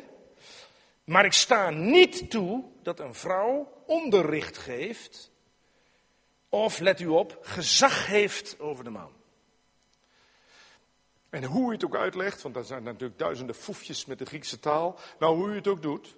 Ik heb uh, geloof ik uh, alle, alle vertalingen die erover bestaan en alle exegeses. En het is er zit geen woord Frans bij. Een vrouw moet zich laten onderrichten. Zij mag geen onderricht geven en geen gezag hebben over de man. Paulus vervolgt in vers 13. Want eerst is Adam geformeerd en daarna Eva. Er is ook geen woord Frans bij. En de fundamentele vraag aan ons allemaal is: zijn we bereid om keihard te buigen voor het woord van God? Dat is het punt. Wat de wereld ervan zegt, is niet interessant. Even nader uitwerken, en u moet goed begrijpen: eh, dit is het woord van God. Waarom? Dit is het woord van God voor de gemeente van God. Daar staat in 1 Timotheus 2 wel degelijk dat een vrouw mag spreken in de gemeente. Ze mag spreken, ze mag zangdienst doen, kinderdienst. Eh, het doet er allemaal niet toe. Eh, zij, zij, eh, zij, zij, zij mag spreken in de gemeente, laat daar geen misverstand over zijn. We zagen alleen een kleine beperking. Daar kan ik ook niks aan doen. We zagen dat de vrouw een aantal dingen niet mag. In de gemeente, in de gemeente. Niet leren, niet onderwijzen, en niet onderrichten en niet heersen over de man. Niet, dat betekent ook niet heersen over de gemeente. Niet vermanen. Niet boven de gemeente staan. En als iemand onderricht geeft, staat hij boven de gemeente. Als iemand vermaant, staat hij boven de gemeente. En dat als is aan een vrouw niet toegestaan. Dat is de enige beperking. En nogmaals, het is het woord van God en niet de mening van mensen en ook niet de mening van mij. Lieve mensen, ik had het ook liever anders gezien. Ik had het ook liever anders gezien. Even, ik geef toe, ik heb tien keer gezegd dat de mening er niet toe doet, maar dan weet u het van mij. En dat u mij niet een etiket opplakt. Ik had het ook liever anders gezien. Want ik denk dat als een vrouw onderricht geeft, dat ze dat ook 180 keer beter doet dan een man. Tegenwoordig heet alles bijbelstudie. En soms kun je bijbelstudies volgen van broeders en dan mag je blij wezen als er een bijbeltekst voorbij komt. Bijbelstudies over discipelschap. Ik heb er pas in gezien. 72 pagina's staan drie Bijbelteksten in. En alles heet Bijbelstudie. Ik heb wel eens het idee dat Bijbelstudies niet meer verzocht worden, omdat het toch niet over de Bijbel gaat. Als een gebouw geschilderd moet worden, dan gaat men eerst een Bijbelstudie houden over schilderen. En, en het woord is aan een enorme devaluatie onderhevig. Maar vrouwen doen dat anders. Als die Bijbelonderricht geven, en ik, ik heb zonderschool gehad in Apeldoorn van Tante Jo, dan is dat Bijbelonderricht, ja. En daar teer ik nog op. Zij kunnen het veel beter. Dus alsjeblieft, ik had het ook liever anders gezien. Het woord van God, dat niet tijdgebonden is, eh, geeft een aantal beperkingen die hebben te maken met vermanen, met heersen en met onderricht geven. Let u goed op. Het is hier het woord van God voor de gemeente van God. Niet voor een clubje mensen, voor de gemeente van God. U begrijpt, en nou moet ik voorzichtig zijn, maar ik ben niet bang, dat in het licht van 1 Timotheüs 2 eigenlijk een vrouw dus ook geen oudste zou kunnen zijn. Want dan moet ze onderricht geven. Er staat in de Bijbel, de oudste moet bekwaam zijn om te onderwijzen. En aan een vrouw is dat niet toegestaan. Bovendien zegt Paulus over een oudste in 1 Timotheüs 3, een oudste moet de man zijn van één vrouw, niet de vrouw van één man. En ik herhaal, de fundamentele vraag die ik aan u stel is, bent u bereid om te buigen voor het woord van God? Niet, is het modern of komt het, komt het ons uit? Of uh, uh, zou de wereld ons niet uitlachen? Nee, uh, wie, waar hebben we dit vandaan uit het woord van God? Een vrouw mag dus alles. En het zou te wensen zijn dat ze dat ook deed. Kleine beperking. Geen onderricht. Geen heersen. Geen uh, stellen boven de man, geen stellen boven de gemeente. Ja, dat is niet modern in deze wereld, maar daar heeft de Bijbel lak aan. Want wij zijn geheel anders. En als Paulus zegt in Efeze 4, gij geheel anders, dan willen we dat wel aannemen, maar dat moet dan ons dan wel in ons staatje passen. Maar als Paulus zegt, gij geheel anders, dat wil zeggen, dat zegt hij tot de gemeente te Efeze, Jullie zijn anders aan deze, wereld. Jullie maatstaven, jullie normen worden gemeten naar mij, zegt God, en niet naar deze wereld. En beste vrienden, toch, ik heb goed nieuws. Oh ja, dat wordt wel eens tijd, heel. Ik heb goed nieuws. Er is een uitzondering. Er is een uitzondering, en dat heb ik meegemaakt, eh, dat een vrouw wel degelijk mag onderrichten en mag vermanen. Dat noemen wij het zogenaamde Deborah-principe. Als mannen het laten afweten. En komt dat voor? U moest eens weten. En dat zou ik toch met u willen lezen, Richteren 3. Richteren 3, de geschiedenis van Deborah, daar ziet u eh, hoe het in de gemeente wel eens kan toegaan als mannen op een achterste liggen en niet thuis zijn. Komt dat voor? U moest eens weten. Dus we gaan ervan uit dat het woord van God zegt nee. De beperking is niet onderricht geven en, niet vermanen en niet heersen. Behalve als de mannen hun verantwoordelijkheden niet meer nemen. Leest u mee Richteren 3 vers 29. Het is behoorlijk heftig. Hier gaat de man volkomen af. Hij staat voor joker. Richter 3 vers 29. Te dien tijden versloegen zij van Moab ongeveer 10.000 man. Allen welgedane en krachtige mannen. Niemand ontkwam. Zo werd Moab op die dag vernederd onder de hand van Israël. Let u goed op wat nu komt. En het land had rust. 80 jaar. In die 80 jaar hebben de mannen geen fluit uitgevoerd. Die mannen waren gedurende 80 jaar passief. Die mannen hadden geen power gedurende 80 jaar. Die mannen namen geen verantwoordelijkheid gedurende 80 jaar. Ik zou die mannen willen hebben willen toeroepen als ik er was. Mannen, the show must go on. Hallo, worden we wakker? Doe even normaal, man. Mannen passief gedurende 80 jaar. Weet u het gevolg was? Moet u meelezen, Richter 4 vers 1. Moet u meelezen. Die mannen deden niks. Er moest leiding gegeven worden in de gemeente. Er moest onderwijs worden gegeven aan het volk. De wet moest open. Ze deden niks. De sukkels. Richter 4 vers 1. Nadat Ehud gestorven was, deden de Israëlieten opnieuw wat kwaad is in de ogen des Heren. Geen, ik lees zo door. Geen leiding, Geen enkele man nam verantwoordelijkheid. Je leest niets over de openen van Gods woord. De zonde nam toe. Steeds verder glijden ze af. Elk moment kon de hele boel in elkaar ploffen. Er was geen kracht, geen vooruitgang, totale zwakte. Gevolg, leest u mee vers 2 van Richter 4. Dat net was Richter 4 vers 1, nu lezen we Richter 4 vers 2. Wat gebeurt er? Die mannen die doen niks. Richter 4 vers 2. Toen gaf de Heer hen over in de macht van Jabin, de koning van Canaan, die regeerde te Hazor. En wiens krijgsoverste Sisera was, die te Garoset Hagoyim woonde. En de Israëlieten riepen tot de Heere, want hij bezat 900, dat was die Sisera, hij bezat 900 ijzeren strijdwagens en hij had de Israëlieten vreed verdrukt. 20 jaar. Beste mensen, hopeloze situatie in de gemeente van Israël. Hoe kwam dat? De mannen deden niks. Geen kracht, geen vooruitgang, totale zwakte. En omdat de show must go on, grijpt God in door een vrouw. Meelezer Richteren 4, vers 4. De profetes Deborah, de vrouw van Lapidot, ze heette dus Deborah Lapidot, richtte destijds Israël. Dat zij heerste over Israël, gaf leiding, onderwijs en recht. Moet u opletten, vers 6. Dan neemt zij die leiding ook. En als vrouwen dat doen, als het puntje bepaaltje komt, is dat zo top, jongen.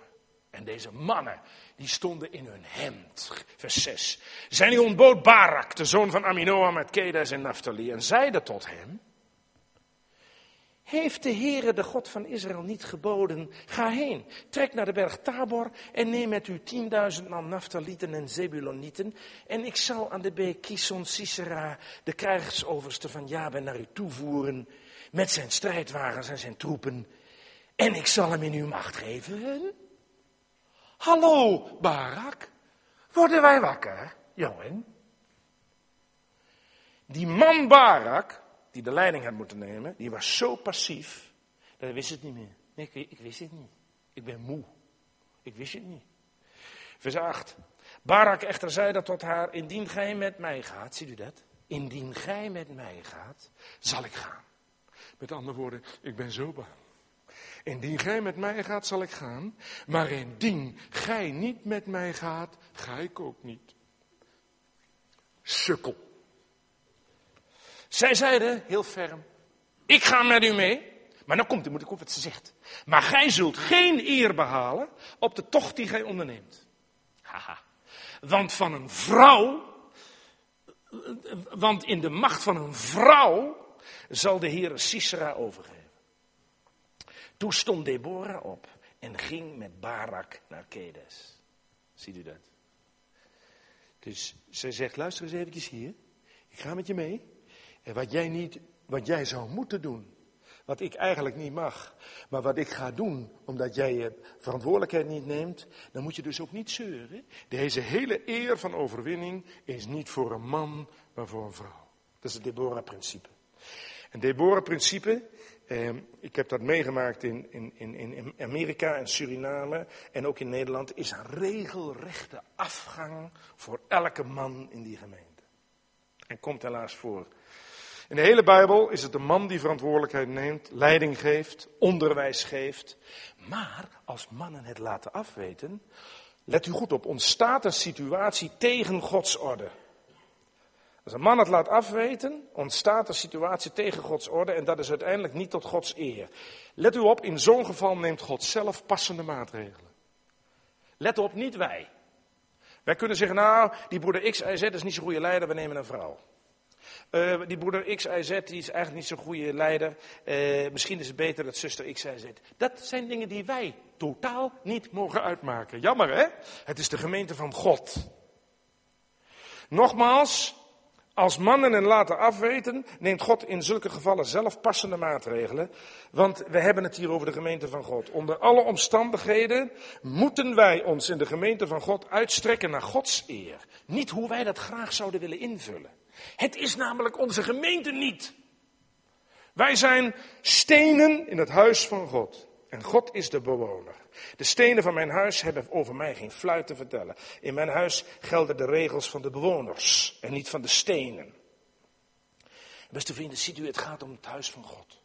En ik zal u dat vertellen. Daar waar Gods orde wordt afgeweken, Waar vrouwen de plaats innemen die de mannen eigenlijk toebehoort, terwijl die mannen er ook zijn. Ik zal u vertellen, daar zijn heel veel verdrietige dingen gebeurd. Dan kunt u zeggen, ja, dat is met mannen ook gebeurd. Is net zo erg.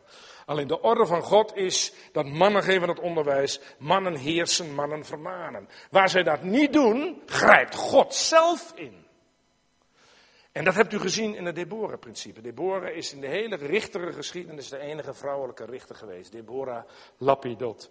En ik ben ook altijd gelukkig dat een hoop mensen hun kinderen, hun dochters Deborah noemen, want dat staat voor power. Deborah betekent wesp of bij. En u kunt het vervelend vinden om er gestoken te worden, maar het zijn een van de meest actieve dieren die er zijn. Uh, op dit moment zijn de bijen in de wereld aan het verdwijnen. Dat heeft enorme consequenties. De kruisbestuiving van groenten vindt dan niet meer plaats. Honing is bestanddeel van 150.000 voedingsmiddelen. Bijen zijn zo ongelooflijk essentieel, ook al zijn het maar kleine beestjes, zo essentieel in de voedselketen. Als een bij zou verdwijnen, zei Einstein ook, dan leeft de mensheid nog vier jaar. En Deborah betekent bij. Goed, eh, tot slot, vier hoofdstukken. Ik heb de inleiding gehad, man en vrouw, de vrouw. Nu vrouwen in de Bijbel. Zij zijn de grote winnaars. En nogmaals, dat zeg ik niet om, om, om te zeggen, ach vrouwen, jullie mogen niet onderwijzen, jullie mogen geen oudste zijn, jullie mogen niet vermanen. Maar weet je wat, dan krijgen jullie van mij nog een cadeautje. een paar leuke geschiedenisjes van de vrouwtjes. Nee, we hebben daar geen tijd voor. Maar als u gaat durven in de Bijbel, winnen de vrouwen het op hoog niveau. Niet in de huishouding alleen maar, of niet uh, achter het fornuis. Ze winnen het op topniveau. Het zijn in de Bijbel de beste aanbidders bijvoorbeeld. U moet, dus, voordat we dat doen, goede nota nemen dat, dat de Bijbelse vrouwen als beste schepselen. Het zijn het zijn de, door, je ziet het in de Bijbel, eh, van alle Gods schepselen zijn zij de beste. Zij winnen het op alle fronten van de mannen. En als ik alle topvrouwen in de Bijbel ga noemen, eh, dat is ondoenlijk. En er zijn er heel wat. Ik noem er, en ik vind het mooi om, om dat even te doen. Want die zeven topvrouwen die ik ga noemen, waarom noem ik die? Zij zijn een blauwdruk voor de gemeente. Het zijn niet zomaar leuke vrouwen die leuke dingen doen, maar als je goed op ze let in de Bijbel, eh, echt de vrouw in de gemeente, dan, eh, dan kun je daar van, van leren vandaag voor de gemeente. Zij presteren op een niveau die je van mannen in de Bijbel nauwelijks leest. De eerste vrouw die ik noem is Rut natuurlijk. En dat vindt u in het boek Rut. Moet voorstellen, Rut. Die Rut, eh, die eh, ging Israël binnen, maar daar mocht zij niet komen. Zij, eh, zij was Moabitische. En u weet, de Moabieten, die kwamen voort uit de seksuele relatie tussen Lot en zijn dochters. Die dochters hebben Lot dronken gevoerd en ze werden zwanger van hun vader. En een van die dochters baat Moab, de grootste vijand van Israël. God was daar zo nijdig over, dat er staat in Deuteronomium, de Moabieten mogen niet in de gemeente Israël komen tot in het tiende geslacht. En daar komt Rut, is Moabitisch. En die stapt zo de grens over. En beste vrienden, zij stapt de grens over en elke Israëliet mocht haar ombrengen. Want zij mocht niet in Israël komen.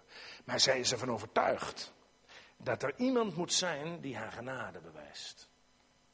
En dan staat er, bij geval trof zij het veld van Boas. Maar dat is verkeerd vertaald. Daar staat, zij koos het veld van Boas.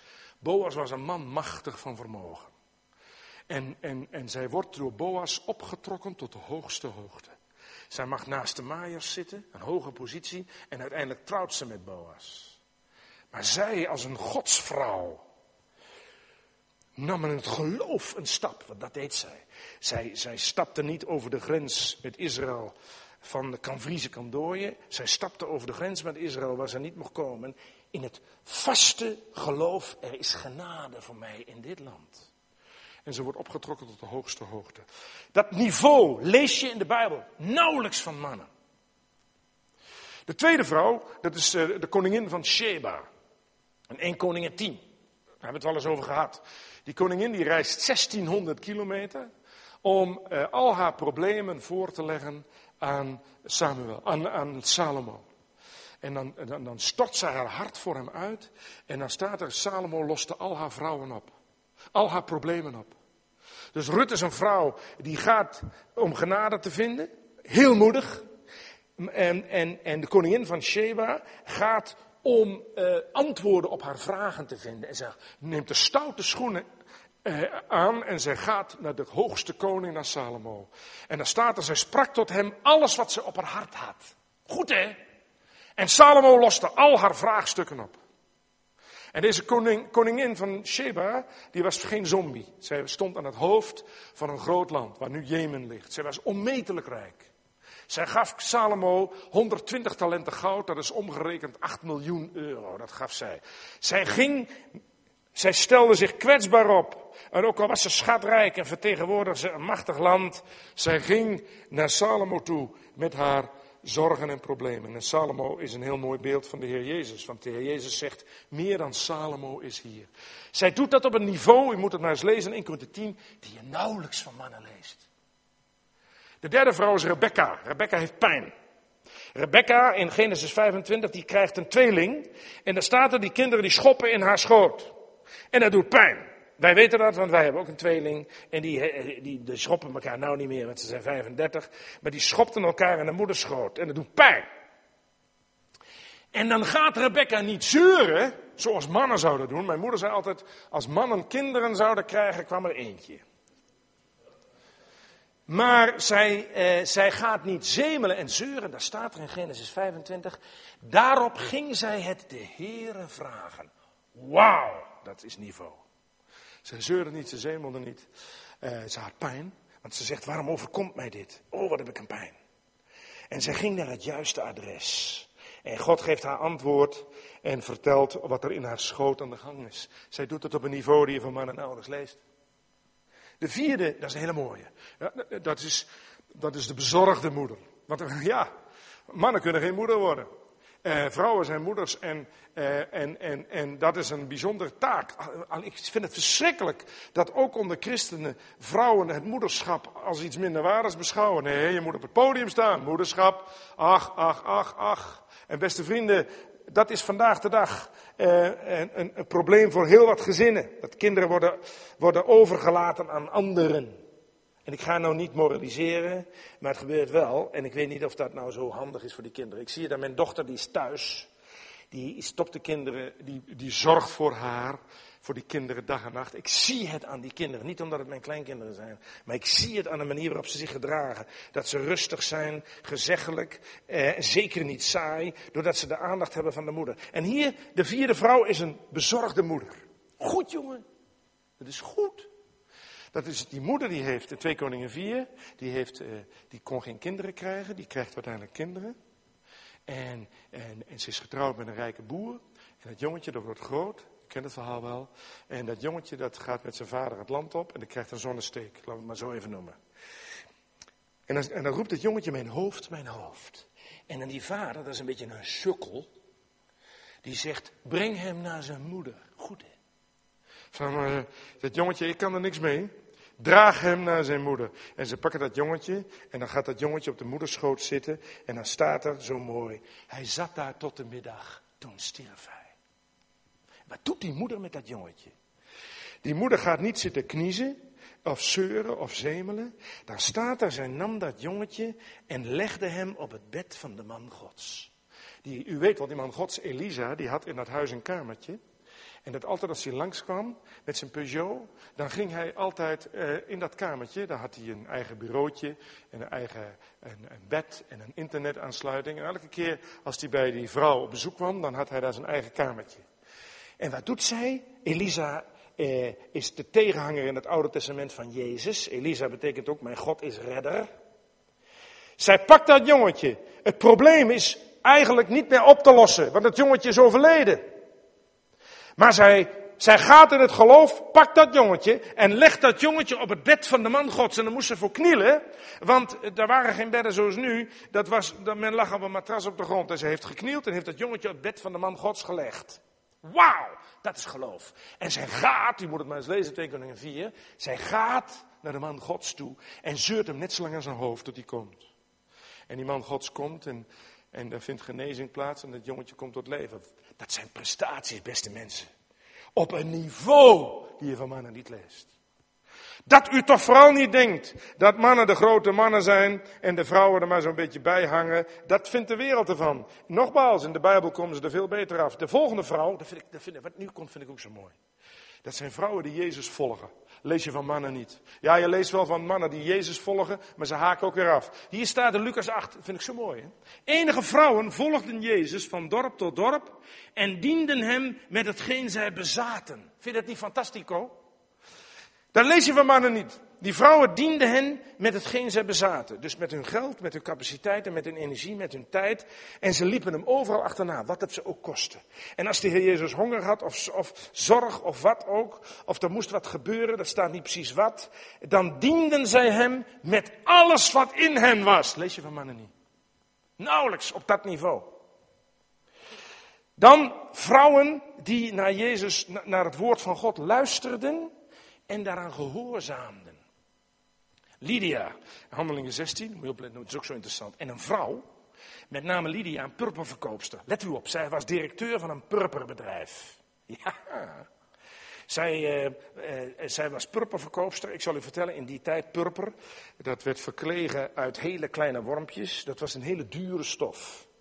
En om daaraan te komen moest je zeer begaafd zijn. Om dat in te kopen, eh, dat kon je niet zomaar overal krijgen. Dan moest je zeer begaafd zijn. Je moest precies de plekken weten. En zij verkocht dat niet alleen in, zij verkocht dat ook. En, en was daardoor wel gesteld geworden. Zij was een onderneemster in een hele moeilijk marktsegment. Ja, maar zij vereerde God. Luisterde aandachtig en de Heere opende haar hart, zodat zij aandacht schonk aan hetgeen door Paulus gezegd werd. Ziet u dat? Mooi. Op een niveau, want zij was, zij was een, een, een groot zakenvrouw, op een niveau die je van mannen nauwelijks leest. De laatste vrouw, en dat vind ik mooi mee af te sluiten, dat zijn de vrouwen die Jezus aanbidden. Let u goed op, op het moment dat het er echt toe doet. Kijk, het is niet zo moeilijk om de Heer Jezus te aanbidden als wij zondags hier in alle vrijheid bij elkaar zijn.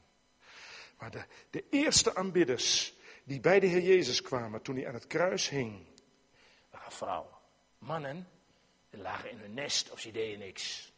Er staat in Matthäus 27, Jezus riep met luide stem en gaf de geest. Hij stierf. Ogenschijnlijk leek het alsof het voorbij was. Ogenschijnlijk leek het alsof Jezus eh, verloren had. Vergeeft u me dat ik het zo zeg. En dan staat er, en daar waren vele vrouwen die uit de verte toeschouwden. Die hadden daar al die tijd gestaan. Welke Jezus gevolgd waren uit Galilea om hem te dienen. Dat woord voor dienen hier eh, eh, betekent letterlijk aanbidden. Met andere woorden, deze vrouwen wachten op het moment dat, de heer, dat ze de Heer Jezus konden gaan aanbidden. Zij waren er toen het ertoe deed. Toen iedereen de Heer Jezus verlaten had. Toen alle mannelijke discipelen van de Heer ze verlaten hadden. Eh, de Heer Jezus hadden verlaten. Stonden daar vrouwen die uit de verte toeschouwden. En een mogelijkheid zochten om hem te aanbidden. Op een niveau die je van mannen niet leest. Let, op, beste vrienden. De topaanbidders in de Bijbel. Van wie dat echt geschreven wordt, zijn vrouwen.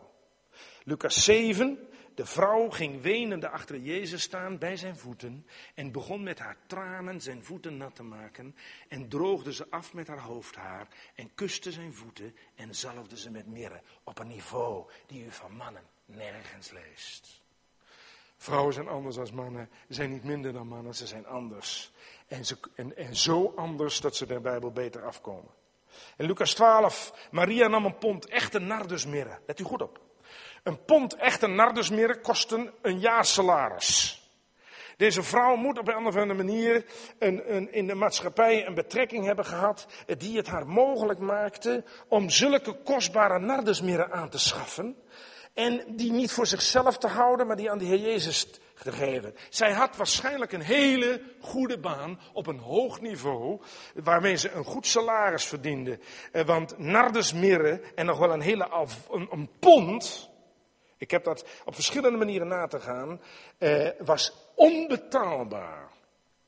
Zij zalfde de voeten van Jezus en droogde zijn voeten af met haar haren. En de geur van de mirre verspreidde zich door het hele huis. Op een niveau die je van mij niet leest.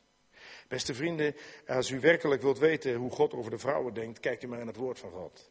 En dan, dan mag, mag, een vrouw beperkingen hebben, omdat zij het beeld is van de gemeente en de man van Christus. En, en de man van Christus, God schakelt ze in zodra de mannen het laten afweten. Maar in de hele Bijbel is de vrouw als het ware de winnaar. En dat is het mooie zoals God een vrouw geschapen heeft uit de zijde van haar man. En God heeft haar hoogstpersoonlijk geformeerd. Daar staat niet van Adam. Adam staat er en God zei, laat ons mensen maken.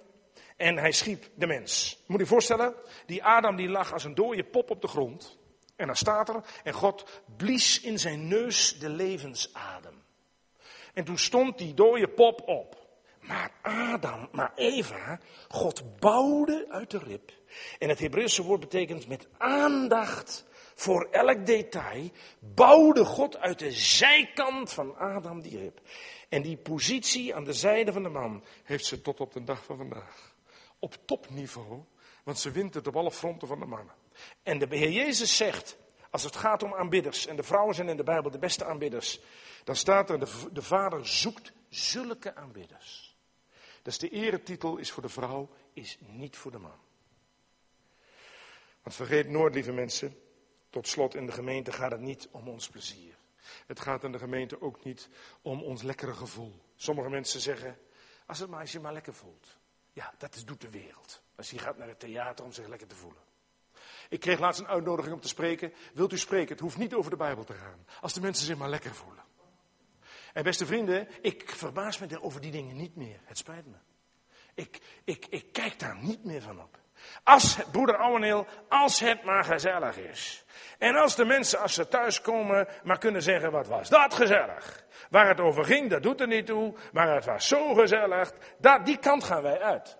Wij maken van de gemeente een, een club mensen, die moeten het leuk hebben. En iedereen moet daar van alles kunnen doen. Of het woord van God dat ondersteunt. Dat doet er niet toe als we het maar gezellig hebben. Beste vrienden, ik herhaal voor de zoveelste keer. In de gemeente gaat het om Gods eer in Gods gemeente. En daarom sluit ik af met te lezen in Efeze 3, eh, vers, vanaf vers 10. Hoeft u niet mee te lezen, ik lees u voor. Op dat thans, ja ja, daar komt het doel van de gemeente. Door middel van de gemeente. Aan de overheden en de machten in de hemelse gewesten. De veelkleurige wijsheid Gods bekend zou worden. Naar het eeuwige voornemen dat Hij in Christus Jezus onze Heer heeft uitgevoerd. Om die reden buig ik mijn knieën voor de Vader, naar wie alle geslacht in de hemel en op aarde genoemd wordt, opdat Hij u geven naar de rijkdom zijner heerlijkheid, met kracht gesterkt te worden door zijn geest in de inwendige mens. Opdat Christus door het geloof in uw harten woning maken. Geworteld en gegrond in de liefde zult gij dan samen met alle heiligen in staat zijn te vatten hoe groot de breedte en lengte en hoogte en diepte is. En te kennen de liefde van Christus die de kennis te boven gaat, opdat gij vervuld wordt tot alle volheid Gods. Hem nu, die blijkens de kracht welke in ons werkt, bij machten is oneindig veel meer te doen dan wij bidden of beseffen, hem zij de heerlijkheid in de gemeente en in Christus Jezus, tot in alle geslachten, van eeuwigheid tot eeuwigheid. Amen.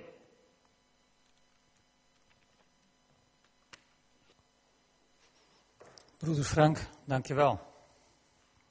Ik dacht nog drie hoofdstukken na de pauze, dat wordt heel erg laat. Maar dat valt heel erg mee. Ja, mooi. Bedankt. We hebben veel stof uh, tot nadenken gekregen. Als u het nog een keer wilt zien, is daar uh, eh, TZT vast een DVD van te verkrijgen. Wil je het nog een keer naluisteren, dan kan dat ook via de website van Open Thuis als mp3.